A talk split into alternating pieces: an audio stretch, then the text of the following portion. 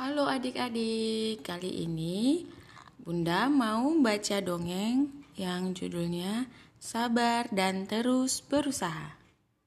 Duduk yang manis ya. Seekor gagak terbang berputar-putar di sebuah taman. Rupanya dia sedang mencari air. Gagak itu kehausan. Tapi Gagak belum juga menemukan air. Namun, gagak tersebut tidak putus asa. Ia terus berputar-putar mengelilingi taman untuk mencari air. Hingga akhirnya, gagak menemukan sebuah kendi yang berisi air. Gagak segera menukik menuju tempat itu. Namun ternyata air di dalamnya tidak penuh isinya hanya setengah. Gagak gak bisa minum airnya. Kemudian Gagak berusaha memecahkan kendi tersebut dengan mematuk-matuknya.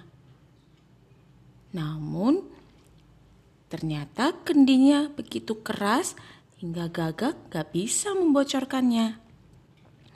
Lalu Gagak berpikir gimana ya caranya biar dapat minum air dari situ?